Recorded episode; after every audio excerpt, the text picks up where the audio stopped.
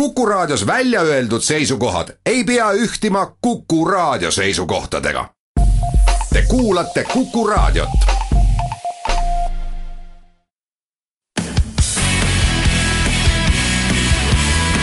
Delfi kiirtund. Delfi kiirtund, tere, Delfi kiirtund alustab. täna räägime pagulaskriisist ja selle viimastest arengutest äh, Kreeka-Makedoonia piiril, võtame jutuks kõiki šokeerinud juhtumi, kus Tartus peksti tänaval julmalt läbi mees tema enda lapse nähes, veel räägime haldusreformi edenemisest ja ka sellest, kui aega jääb,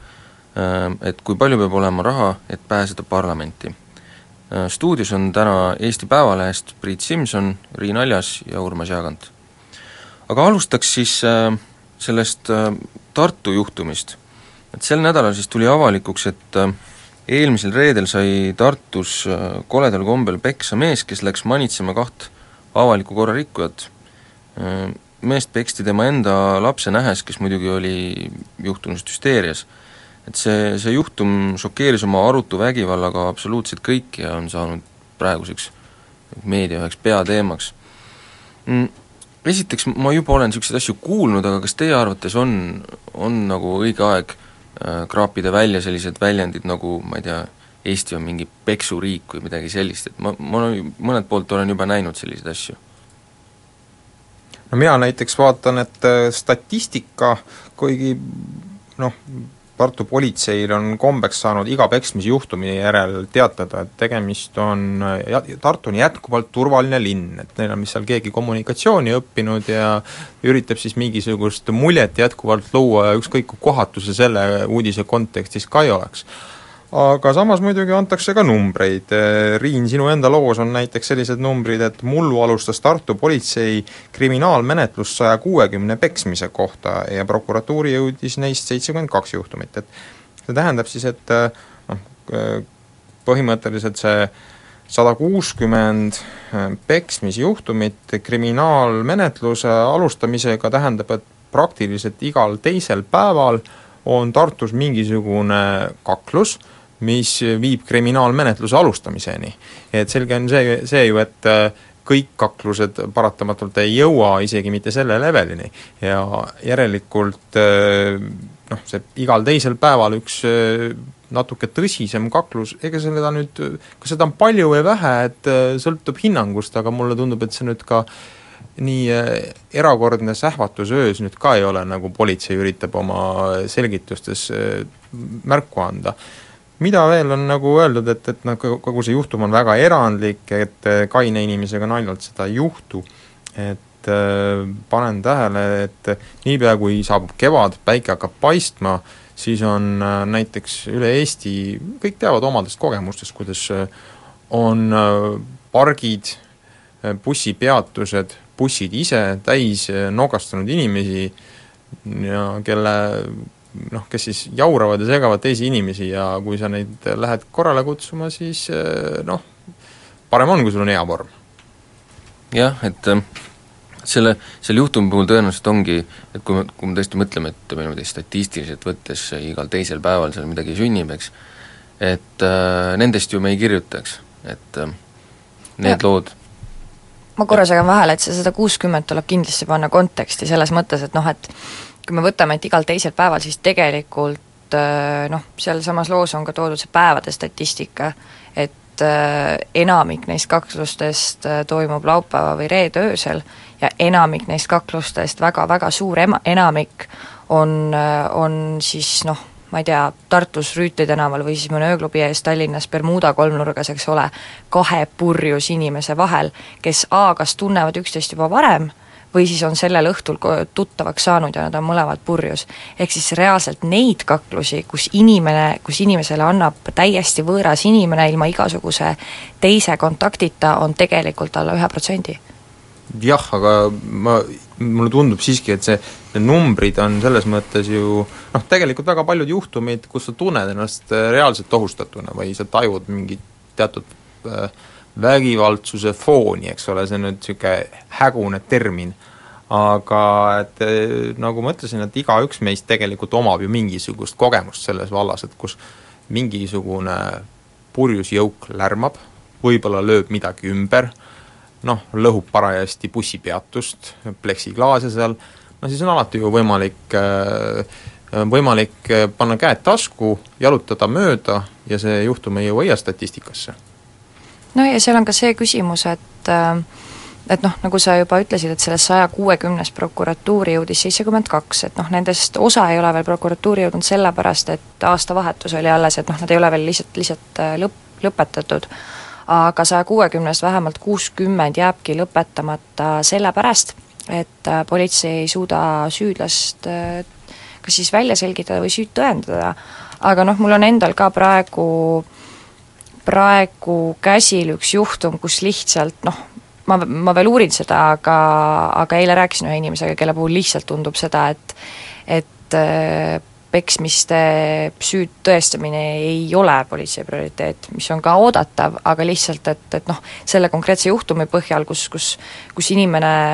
noh, seal, seal on küsimus videolindis, kus politsei isegi ei küsinud videolinti välja, nüüd on kaks kuud möödas, videolint on ammu kadunud, videolindi pealt oleks täpselt näha olnud, mis toimus, eks ole, et noh, siin on ka see küsimus, et tõenäoliselt äh, statistika oleks ka natukene suurem, kui kui iga juhtumi puhul oleks ka see politsei tegevus nii-öelda maksimaalsel tasemel. Riin ju tegelikult tõstatas praegusel hetkel väga olulise küsimuse justament, et et äh, tihtilugu üritatakse ka asju justkui pisendada, et samamoodi ju nende tegelaste puhul, et äh, ühest küljest nad saadi korraks kätte, varsti olid nad jälle tänaval, kuigi politsei enda andmesüsteem ütleb ju kohe, et tegemist on, et nende kahtlusaluste puhul on tegemist äh, jõuliselt retsidiivsete tunnustega seltskonnaga. et kelle puhul noh, kes on korduvalt ja korduvalt ja korduvalt elus saanud hoiatusi. aga noh, vot siin ongi see küsimus, et see karistus ju peab olema ikkagi ka nagu teoga proportsionaalne mm, -hmm. eks ole, et et äh, kui inimene on noh, ütleme äh, noh, okei okay,, see ei ole nüüd väga, see juhtum oli nüüd niisugune väga äh, ränk, eks, aga ütleme, kui sa oled mingi ka-, kakelnud kuskil, on ju, on sind korra viidud politseisse, teine kord, kolmas kord, noh, kui see, kui see tuleb neljas kord, noh, ilmselt on teada, et tuleb viies, aga, aga see karistus ju ei saa olla sellest nagu iga korraga minna nagu nii olulisel määral nagu, eks ole, kõrgemaks või saab? no ta peab minema selles mõttes äh, siiski, siiski suuremaks, sellepärast et äh, mis see korduv, korduv äh, rikkumine ju näitab seda, et inimene ei ole õppust võtnud jah, selle teemaga lähme edasi, aga nüüd väike paus vahepeal. Delfi kiirtund. Delfi kiirtund, kiirtund. Delfi kiirtund jätkub, räägime edasi äh, Tartu peksmisjuhtumist, mis on täna vist kõikide ajalehtede esimestel külgedel. Ähm, üks, üks teema, mis äh, selle loo puhul on, mis natuke, millest me võib-olla veidi ka puudutasime siin esimeses plokis, on see, et ma olen kuulnud ka inimesi, kes, kes on öelnud midagi umbes sellist, et et kui sa jal-, jalutad lapsega tänaval ja, ja lähed mingisuguseid märatsejaid nagu torkima, et kas siis nagu sul ele-, enese nagu alalhoiuinstinkti üldse ei ole või noh, et et milleks nagu, milleks nagu midagi sellist nagu teha või niisugust nagu riski võtta. et äh, mida teie sellisest lähenemisest arvate, et kas äh, on, on see kuidagi põhjendatud või, või inimene peaks reageerima igal juhul, kui ta näeb mingisugust äh, avaliku korra rikkumist ja ise sekkuma? No minu meelest see on küll liialdus, et, et, et kas sul alalhoiuinstinkti pole, kui sa julged tänaval lapsega käies kellelegi midagi öelda, et noh, et kuhu me niimoodi jõuame siis. aga ma ei tea, minu meelest tõenäoliselt meil ongi seda sekkumist võib-olla liiga vähe et see ongi nagu noh, nagu Priit, Priit enne mainis, et kui sa julged kellelegi bussis midagi öelda, et noh, meil on, meil on alati seal mingisugused jokis inimesed, eks ole, ja sul peab olema hea vorm, aga noh, see ongi võib-olla sellest, et, et, et noh, tegelikult ma arvan, meil ongi seda liiga vähe, sest kui ma üritan meenutada nagu ise mingisugust olukorda, kus, kus, kus on olnud mingisugune häiriv asi, ma ei ole tegelikult mitte midagi öelnud. ja ma ei ole ka kuulnud kõrvalt, et keegi midagi ütleb. ja siis see nagu noh, süvenebki seda normi, et inimesed arvavad, et nad kas ei pea midagi ütlema või ei julge midagi öelda ja siis ma ei tea, võib-olla see teine pool peab ka seda, et noh, mis mõttes sa tuled nüüd mul, mulle midagi ütlema, et siis ta tunnebki endale õigust seda vabadust anda, sest see on lihtsalt nii, nii harv juhus. Siin on jah, ka näiteks Tallinna Keskkriminaal, kesklinna politseijaoskonna juht Kaido Saarniit ütleb, et halvasti võib minna peamiselt siis, kui kaine inimene läheb mõnd peksasaajat abistama mm, -hmm. et mhm. et tegelikult äh, jah, loomulikult on olemas juhtumeid, kus äh, kui inimene noh, ei ole väga, tal ei ole mingit ettevalmistust ja nii edasi, nii edasi, ta võib sattuda tõsisest, tõsistesse jamadesse, aga see on igasuguse füüsilise konflikti puhul niimoodi, et tegelikult see tulemus on suhteliselt etteaimamatu, aga kindlasti on väga palju juhtumeid, kus on, on võimalik reageerida, et olen ise sellistes olukordades olnud, et, et noh, et kus näiteks üks purjus juht üritas minema, minna sõidukoha, sellelt avariikohalt ja, ja noh, kui talle sai öeldud, et ei ole mingit minekut, siis, siis ta taltus ikkagi. ja, ja noh, samamoodi üks narkomaan äh, röövis käekotti ja, ja sai ta ka kinni püütud, et äh, selles mõttes mõnikord on ikkagi hirmul suured silmad, et jutt, et nagu mitte midagi ei ole võimalik teha ja kut-, oodake spetsialisti järgmised äh, kümme minutit, et see äh, ei kehti, et tegelikult väga sageli äh, ongi näiteks, et kui sa ikkagi äh, liikuda ka mingi noh, mõnikord nagu aktiivsemad inimesed, kes suudavad vähemasti äh, Äh, tuvastada, kus suunas see pahategija läks ja annab, annavad ka juba politseile teatud infot edasi. minu arust on siin üks, üks oluline aspekt on see, et kui ütleme, leidub mingi inimene, kes äh, nagu sekkub äh,, siis et ta saaks nagu tuge teistelt inimestelt, kes on ümber, et näiteks no ütleme, bussis on mingisugune märatseja, kes mingi, ma ei tea, lõigub seal, kraabib mingisugust tooli katki või no ükskõik, mida ta seal teeb nüüd kui, nüüd kui kõik vaatavad aknast välja ja keegi nagu justkui ei märkagi, kuigi see kõiki häirib, siis leidub üks inimene, kes äh, midagi ütleb, nüüd kui ta jääb üksi, äh, siis ongi ju selline olukord, kus see tei-, see ütleme, see märatseja seal tunneb, et noh, et ta tuleb siin nagu mingi lõugama, noh et ju teisi ju ei häiri ju, noh ma ei tea, kas ta, ta ju nii kindlasti ei mõtle otseselt, aga noh, ta näeb ju, et et mul on üks vastane, eks. ja see üks sekkuja jääb, jääb ise lolliks, eks ole. jääb ise lolliks, aga nüüd minu, minu, minul oli samasugune olukord, et kui näiteks noh, keegi, üks joodik lihtsalt bussis lärmas kogu aeg ja, ja tõesti noh, sai talle siis nagu peale käratatud natuke, aga aga minu huvi, minu jaoks oli väga huvitav see, et äh, bussijuht üritas nagu enam-vähem silmad pahupidi pöörata ja seda kõike mitte märgata, et äh, see oli Tartumaal aastaid tagasi üks äh, ma kahjuks ei mäleta, mis, mis bussifirmaga oli tegemist, aga olen ka näinud äh, väga otsustavaid bussijuhte, kes on äh, reageerinud kiiresti ja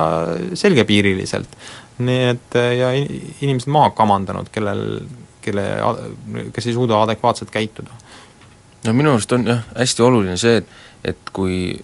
kui ütleme, keegi teeb selle otsa lahti, et kui sa nagu ise ei julge minna nagu esimesena, eks ole,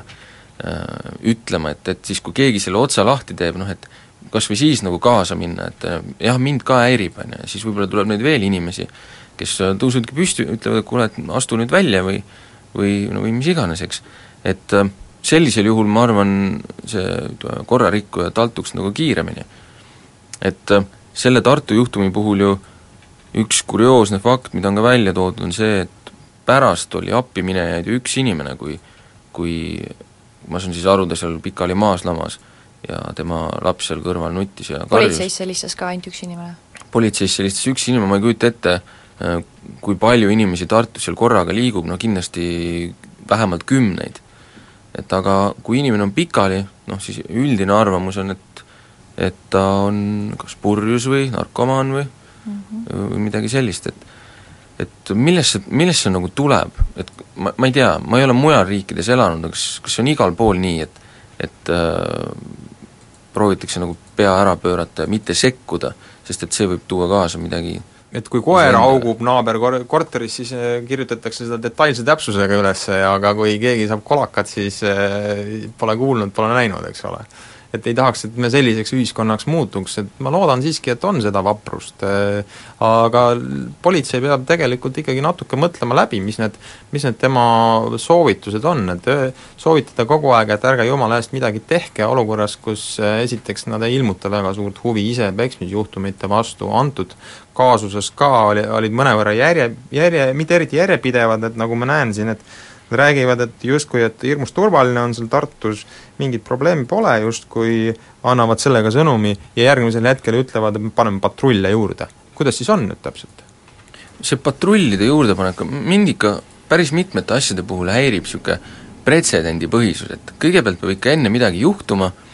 ja siis hakkas mõtlema, et kas on, kas meil on vaja mingit kohas patrulle rohkem, aga mis need patrullid teevad, need on ju, eks ole, kaks inimest, noh, jalutab neid näiteks kahe asemel neli, ega nad ei ole ikka igal pool korraga. igale inimesele sa ei pane politseiniku sappa, nii et noh, ma ei, ma nagu, mulle ei tundu see nagu lahendusena, et mis see patrulle juurde, okei okay, no,, kui nüüd ilmselt, no ilmselt paari. ikkagi, ilmselt ikkagi see toob teatud teistsuguse meeleolu näiteks Tartus Küüni tänavale, kui, kui on teada, et noh, äsja on nähtud seal politseinikke, eks ole, võib-olla isegi need kõige äh, lap-, lapikumate ajukäärudega tegelased, kes on tulnud välja probleeme tekitama, need siis sel juhul ikka midagi tähele panevad, et oi, me nägime, me nägime politseid mõni aeg tagasi mm,. Ja sa arvad, et sellest üksi piisab, et, et äh, noh, ma ei tea, mu-, mulle nagu tundub, et sellest, äh, ma, ma ei oskakski öelda, mida peaks tegema, aga mulle tundub, et sellest võib-olla jääb nagu, jääb nagu väheks. et noh, üks hea asi, mida on tehtud, eks ole, neid kaameraid on tõesti nüüd suur, suuremates linnades äh, äh, igal pool ja Tallinn, Tallinna päris see vanalinna ja kesklinna osa on ju nendega sisuliselt kaetud, et et äh, nendest on vist nagu ütleme, tagajärgedega tegelemisel tundub rohkem kasu. et ähm, ja siis politseinikele peab siis jääma nii-öelda kohalolu näitamisega siis ennetamine või? no mulle tundub, et äh, igatahes politsei nende kahtlusaluste puhul on käitunud niimoodi, et alguses nad küll mingisugust sõnumit kätte ei saanud, sest et äh, üks nendest äh, asjaosalistest näiteks, kelle Facebooki profiili ma vaatasin, see jätkas veel ärplemist seal ja pani, postitas ise vastava uudise üles oma Facebooki profiilile, et, et kuidas Tartus oli kaklus. pani, lisas sinna juurde paar roppust ja oligi tähelepanu saadud noh, vähemalt Tallinnas tegelikult politsei natukene tegeleb kakluste ennetamisega, noh seda muidugi peamiselt nendes nii-öelda valupunktides, aga ma just esmaspäeval käisin politseiga rääkimas ja nad rääkisid seda, mismoodi Nad üritavad juba teist aastat äh, kokku saada neid nii-öelda nelikümmend Tallinna kesklinna lõbustusasutuse juhti ja jagada häid praktikaid, mis töötavad. ja näiteks üks asi, mida osad äh, baarid või pubid on hakanud tegema, on see, et äh, kui sul läheb sees, noh, kui sees turvamees näeb, et, et on sellist konflikti ohtu, et noh, mingisugused kaks inimest hakkavad kaklema, siis nad teevad niimoodi, et nad viskavad ühe inimese välja ja teise lasevad minna poole tunni pärast sest politsei ütles ka, et kõige suurem oht ongi kaklusteks siis, kui inimesed on õues. sellepärast on ka see aasta on olnud viisteist protsenti vähem kaklusi, sellepärast et lihtsalt nii külm on ja inimesed ei ei lähe sinna tänavale kokku, et äh, baarid ja pubid üritavad ka hoiduda sellest, et vähem inimesi läheks purjus peaga tänavale. Igal juhul väga kurb juhtum, loodame, et äh, sellest äh, õpitakse midagi ja õpivad ka kõik lugejad ja kuulajad. Läheme siit nüüd pausile, kuulame uudiseid ja siis on Delfi kiirtund tagasi Delfi kiirtund. Delfi kiirtund. Delfi kiirtund jätkub, äh, stuudios Priit Simson, Riin Aljas ja Urmas Jaagant. Äh, läheme nüüd teemadega äh, veidi laiemale pinnale, mis puudutavad väga paljusid inimesi ja puudutab varsti ilmselt ka Eestit kuidagipidi. Priit, sa saabusid just eile reisilt, kus käisid vaatamas äh, mis olukord valitseb põgenikega äh, Kreeka-Makedoonia piiril. et kui sa nüüd äh, ütleksid oma nagu esmase üldmulje, kas, äh, kas kuidagi ütleme, põgenike ma ei tea siis, registreerimisega või ma ei tea, halb sõna, käitlemisega piiril on kuidagi asjad nagu paranemas ka või, või valitseb endiselt selline kaos, mis ta, mis siin viimasel ajal senimaani on olnud? tegelikult on mul võimalik võrrelda seda olukorraga augusti lõpus, septembri algusest äh, Ungari ja Serbia piiril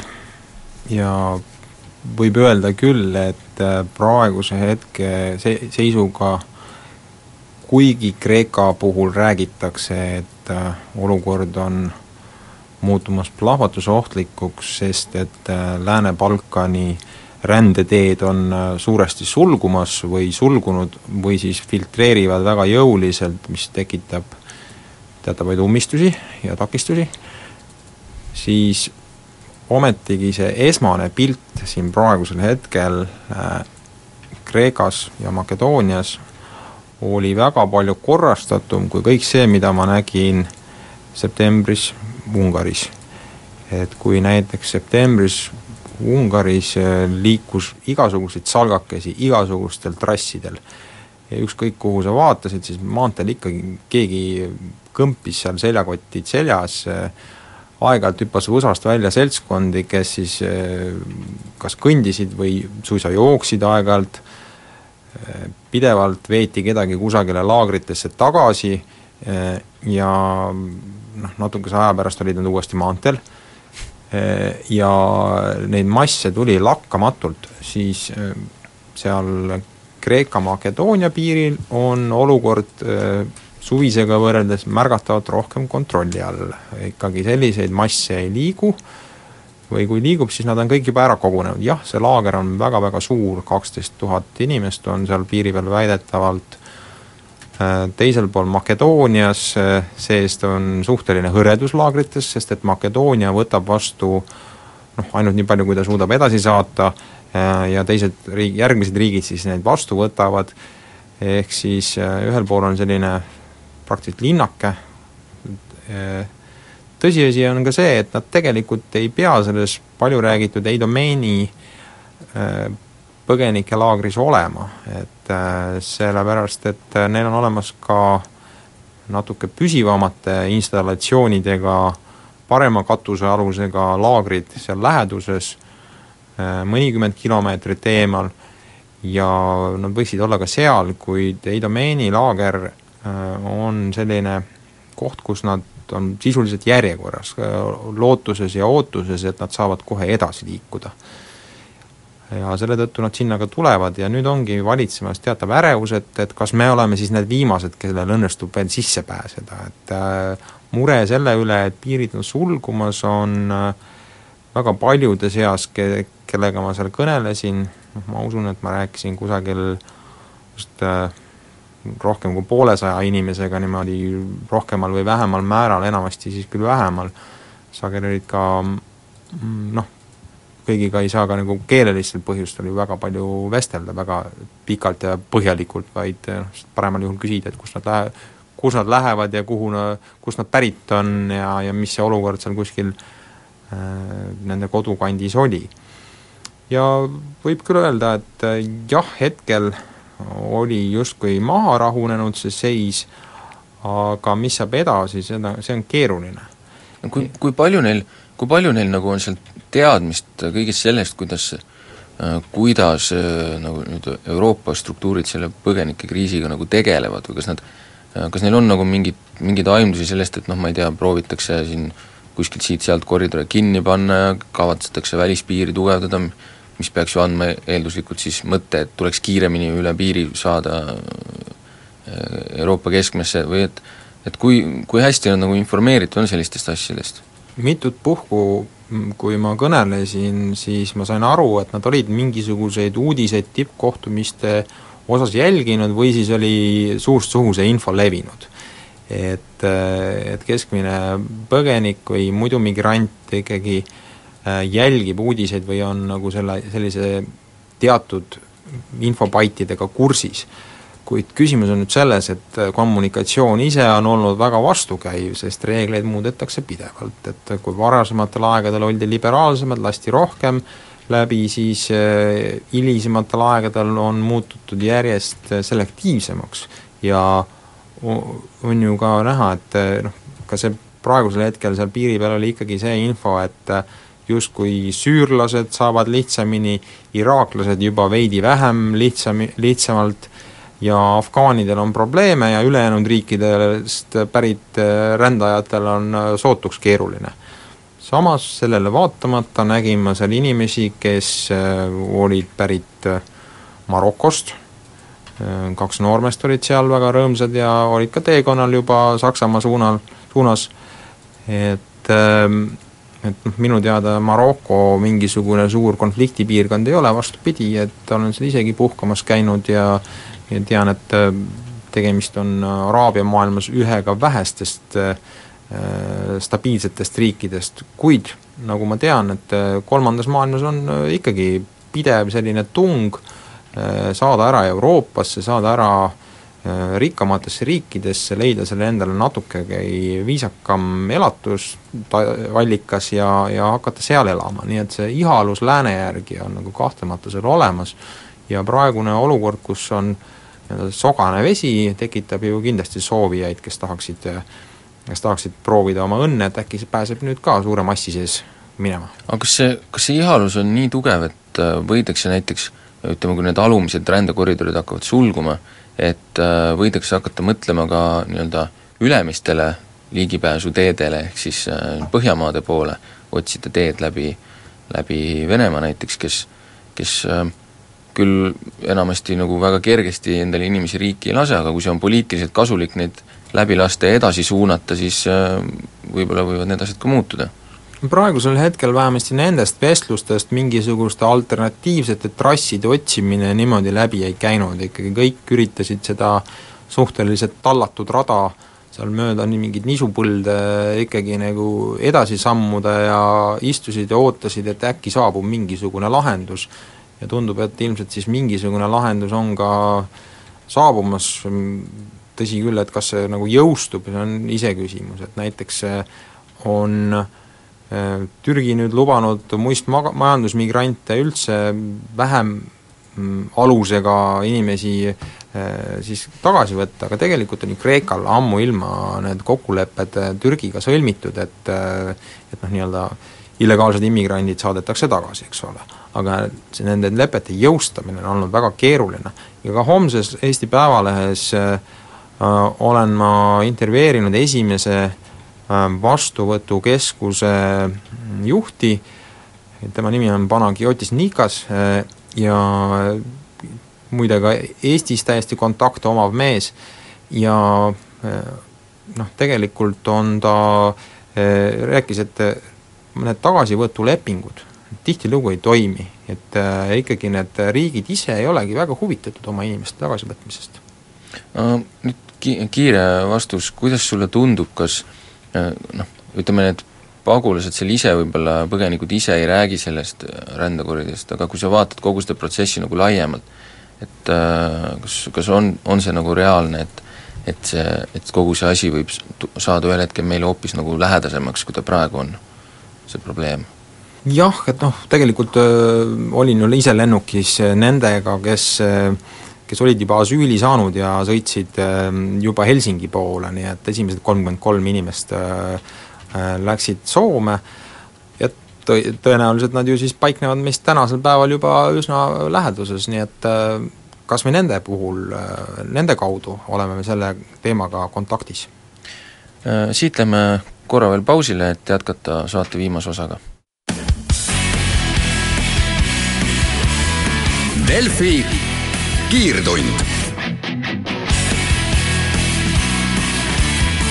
Delfi kiirtund. Delfi kiirtund jätkub saate viimase osaga. Äh, täna alustavad või tegelikult vist õigemini juba alustasid valitsuse liikmed äh, kabinetis arutelu äh, Arto Aasa poolt ette valmistatud haldusreformi eelnõu üle. Viisteist aastat ja kolm ministrit, Arto Aas siis kolmas, kes sellega praegu tegeleb, et nii kaua on püütud nagu Eestis seda halduskorda müü-, muuta ja praegu vähemalt on väliselt jäänud nagu mulje, et ollakse justkui lähemal kui varem, sellepärast et mulle, mulle näib, omavalitsused ei ole nii hullusti vastu, kui oli siin eelmiste äh, reformikatsete puhul, aga teiselt poolt mulle näib, et komistuseks võib taaskord saada nagu valitsusliit ise, et kuigi üldjoontes on nad kõik öelnud, et seda on kindlasti vaja, aga nagu ikka, on saatan detailides ja kuidas seda täpselt tehakse, seal on äh, kolmel valitsuserakonnal suhteliselt erinevad arvamused, et IRL tahaks ambitsioonikamat reformi, äh, suuremaid äh, omavalitsusüksusi, mis siis muidugi sujuvalt tähendaks liikumist ka natuke selle reformi poole, mis neil endal nii-öelda välja ei tulnud, ehk siis see Kiisleri, Kiisleri plaan, mm, sotsid tahaks ikkagi natukene neid osavaldasid ja keerulisemat struktuuri, kas Taavi Rõivas, kes peaminister on ju tegelikult otseselt vastutav selle reformi läbiviimise eest, tundub, tuleb ta sellega nagu toime, et äh, mulle näib, et need, need erimeelsused äh, ei tohiks olla iseenesest ületatavad, lihtsalt küsimus on, kui, kui jäigal positsioonil keegi on. Ja valitsuses on olnud praegu mitmeid küsimusi, kus ollakse üksteise suhtes ikka väga jäikadel positsioonidel. väga keeruline on ju äh, tõepoolest läbi suruda midagi, mis, äh, kus on nagu niivõrd erinevad huvid näiteks IRL-il ja Reformil ja kellelgi tundub ikka, et vastaspool võidab antud kokkuleppest rohkem kui, kui teine, eks ole. aga samas on ju võimalik teha mõni väga lihtne asi otsekohe ära. et äh, ma ei, olen seda teemat juba varem ka maininud, aga maakonnad et äh, öeldakse, et äh, meil on ajad muutunud, hobuvankri aeg on läbi, kõik on lähemale tulnud, saab poole tunniga läbida maid, mida, milleks vahepeal kulus äh, terve päev, et tõepoolest, et miks siis valitsus selle asemel, et üritada mõjutada kogu aeg mingisuguseid valdasid, mis nende alluvusse ju tegelikult ei kuulu, eks ole, kohalik omavalitsus on suhteliselt iseseisev üksus, eraldiseisev võimutasand, ta võib suuresti teha, mida ta ise tahab. et valitsus võtku ette maakonnad, et äh, sealt on võimalik kindlasti saada selline kergem, odavam, äh, lihtsam ja väiksema ametnike arvuga struktuur. et äh, Reformierakonnale minu teada kuulub kaks maavanema kohta kusagil seal Tartu ümbruses. et üks neist on näiteks Tartu maavalitsus ja, ja maavanem, ning teine on Jõgevamaa äh, maavanem, et pangu Jõgevamaa ja Tartumaa ühte. Üks maavalitsus ongi olemas, eks ole, ei ole vaja niimoodi, et on mingisugune kaks mingisuguse ala nõunikut, et üks teeb töö ära. Ja on ka üks, üks maavanem ülal pidada on ju palju odavam kui kaks, eks ole. noh, väike miinuspool siin on, et ähm, Äh, noh, üks neist meestest peab siis paraku tööta jääma, aga tegelikult kuna tegemist on hea spetsialistiga, siis äh, rahvamajanduses leiab äh, üks neist kindlasti endale koha, aga tõepoolest, ega Jõgevamaa ei ole ju mingisugune suur ajalooline üksus, eks ole, et Jõgeva on, Jõgeva jaoks on tõmbekeskus ikkagi Tartu. Jõgeva inimesed sõidavad sinna sageli, rong käib, ja noh, Jõgeva maa kui selline on ju tegelikult nõukogudeaegne igand. et äh, on aeg viia see ajaloolise seaduspäraga kooskõlla et Jõgevamaast saaks Põhja-Tartumaa ja noh, ma arvan, alustuseks võiks teha kõigil spordialadel ka, et paneks ikkagi need äh, spordiliidud ka siis kokku, eks ole, et teeks nagu ühendatud äh, näiteks meistrivõistlused või, või mis iganes, et äh, maavalitsus, omavalitsusliidu näiteks. sul on jah, väga hea plaan, ma arvan, sa võiksid olla varsti mingisugune abiminister, aga see ei muuda, see ei muuda olukorda selles mõttes, et, et väikeseid valdasid on meil ikkagi üle kahesaja, et äh, ma tegin ähm, esimese ettepaneku, kuidas hoida mingisuguse osa ressurssi kokku. jah, ühe maavanema pealt. ei, seal on kindlasti võimalik ka sellisel juhul Äh, ma ei usu, et, äh, et maavalitsuse töötajatel nüüd see töö nii tapab, et ei oleks võimalik äh, noh, üldse kuidagiviisi seda struktuuri siis kokku tõmmata, et seal on ju terve hulk töötajaid, peale selle, et suuresti ju juba kuskil kella neljast panevad nad uksed kinni. Nüüd, kui me räägiksime sellest plaanist, mida vist ilmselt sind ei ole kuulda võetud ja seda, seda kava ma ei ole kuskil veel nagu näinud, Äh, aga Arto Aas on küll teinud ühe, ühe eelnõuks lausa valmis, ma ei tea, kas parasjagu kirjutad eelnõu, selles plaanis siis on mm, idee, et nagu uutes omavalitsustes võiks olla siis vähemalt äh, viis, viis tuhat elanikku, noh, ja siis võiks liituda või liikuda siis üheteistkümne tuhande poole, et et min-, mind nagu noh, siin on päris mitmed omavalitsused ka juba nagu alustanud seda liitumisprotsessi, aga, aga väga paljud ka veel mitte, et olgem ausad, et see põhjus, miks ju see praeguse omavalitsuste liitmine nagu läheb sujuvamalt kui eelmistel kordadel, on lihtsalt see, et välja on lubatud rohkem raha. et need, need vallajuhid, kes oma töö kaotavad, saavad ju päris kopsaka kompensatsiooni selle eest. aastapalga saavad? aastapalga, mis, mis ei ole üldse halb, arvestades kui sa oled sellisel positsioonil olnud, ju sa selle aasta jooksul leiad ka, leiad ka mingisuguse, mingisuguse muu rakenduse, et et siis ongi nii, et raha on ikkagi see, mis toob nagu sellise leebumise, et et mul on sellest natuke veidike nagu kahju, et ühelt poolt on see nagu inimlik, aga teiselt poolt, et kas vallajuhid ei peaks ikkagi mõtlema nagu rohkem selliselt riiklikult või et, et äh, nähes ise ka, kuidas mõni vald siin nagu rähkleb erinevate asjadega, et et üldse nagu toime tulla. väga keeruline on ju mõelda riiklikult, kui sellega kaasneb su enda töökoha kadu ja töötuks jäämine, et, et mõtlen riiklikult, järgmisel hetkel võtan, lasen ennast töötuna arvele võtta, et see on ju väga keeruline. et äh, samas on ju huvitav, et et äh, noh, tegelikult äh, kui nad lubavad aastapalkasid välja, siis ütleme niimoodi, et see kulude kokkuhoid tõenäoliselt nii kiiresti ei tule. et kõigepealt tuleb maksta inimestele terve aasta raha ära ja siis noh, see kokku hoida õnnestub siis kunagi hiljem. et tegelikult, mis on minu arust veel märkimisväärne, on see, et me, et meil on üks seadus jälle, mis algab nagu nii-öelda nagu sellise baasseaduse või alusseadusega, et et me tegelikult ei tea ju mitte midagi veel sellest näiteks, kuidas hakatakse kohalikke omavalitsusi rahastama, mis mudel, see on nagu väljatöötamisel praegu, me ei tea, kuidas hakkab päriselt käima sundliitmine, et äh, mulle toodi hea näide, ütleme näiteks, et kolm, kolm valda on ära ühinenud äh, ja nende kõrvale jääb siis nagu ripakile üks, kes ei ole ühinenud või temaga ei ole tahetud ühineda, ja siis hakkab see sundliitmise aeg, need kolm, kes liitusid,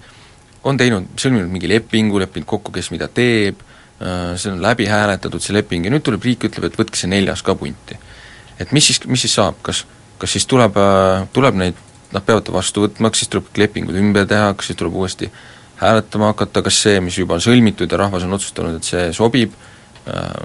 kas see siis nagu enam ei kehti, et sellest me ei tea mitte midagi. Ja ometigi me peame kõigepealt lepime kokku selle nagu mingi niisuguse suure baasseaduse, et veidi meenutab seda, nagu see, nagu kooseluseaduse need rakendusaktid, et et see, mis nagu, nagu inimesi nagu täpselt puudutab või peamiselt puudutab, see on kõik nagu kokku leppimata, et et kas me saame ikka niimoodi võtta selle eelnõu nagu vastu, et äh, selle haldusreformi, et et me ei, me ei tea sellistest detailidest nagu midagi? seal on palju veel, veel läbi rääkimata, et ma mäletan, see oli vist pool aastat tagasi, kui ma rääkisin Arto Aasaga haldusreformist ja ma küsisin, no ma küsisin näiteks, et noh, mis saab maakondadest, ei tea kuigi noh, kui sul lähevad omavalitsused suuremaks, siis teab, osa maakondade noh, reformi, reformi, reformi tehes nad kogu aeg rõhutavad, et, et omavalitsus saab ülesandeid juurde, tõenäoliselt osa need ülesanded tulevad maa, maakonnalt ära, eks ole.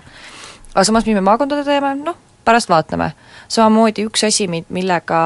nii-öelda siis motiveeritakse ka neid äh, valdu liituma, on see, et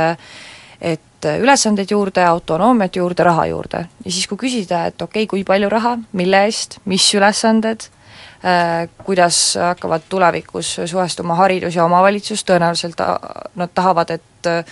et osaliselt riik võtaks osad haridus äh, hariduse juhtimisülesanded omavalitsusest ära, osa annaks tagasi ja kui sa siis küsid, et okei okay,, mis need siis on, no vaatame, et noh. jah, et äh, ega siin ei olegi muud teha, kui peab siis ootama, millal need asjad on nagu nii-öelda valmis mõeldud ja loodan, et need ei, need ei saa selliseks takistuseks, et peaksid selle protsessi üldse, üldse pidurdama. Sellega Delfi kiirtund äh, täna lõpetab, täname kõiki kuulamast, järgmisel nädalal jälle! Delfi kiirtund. Delfi kiirtund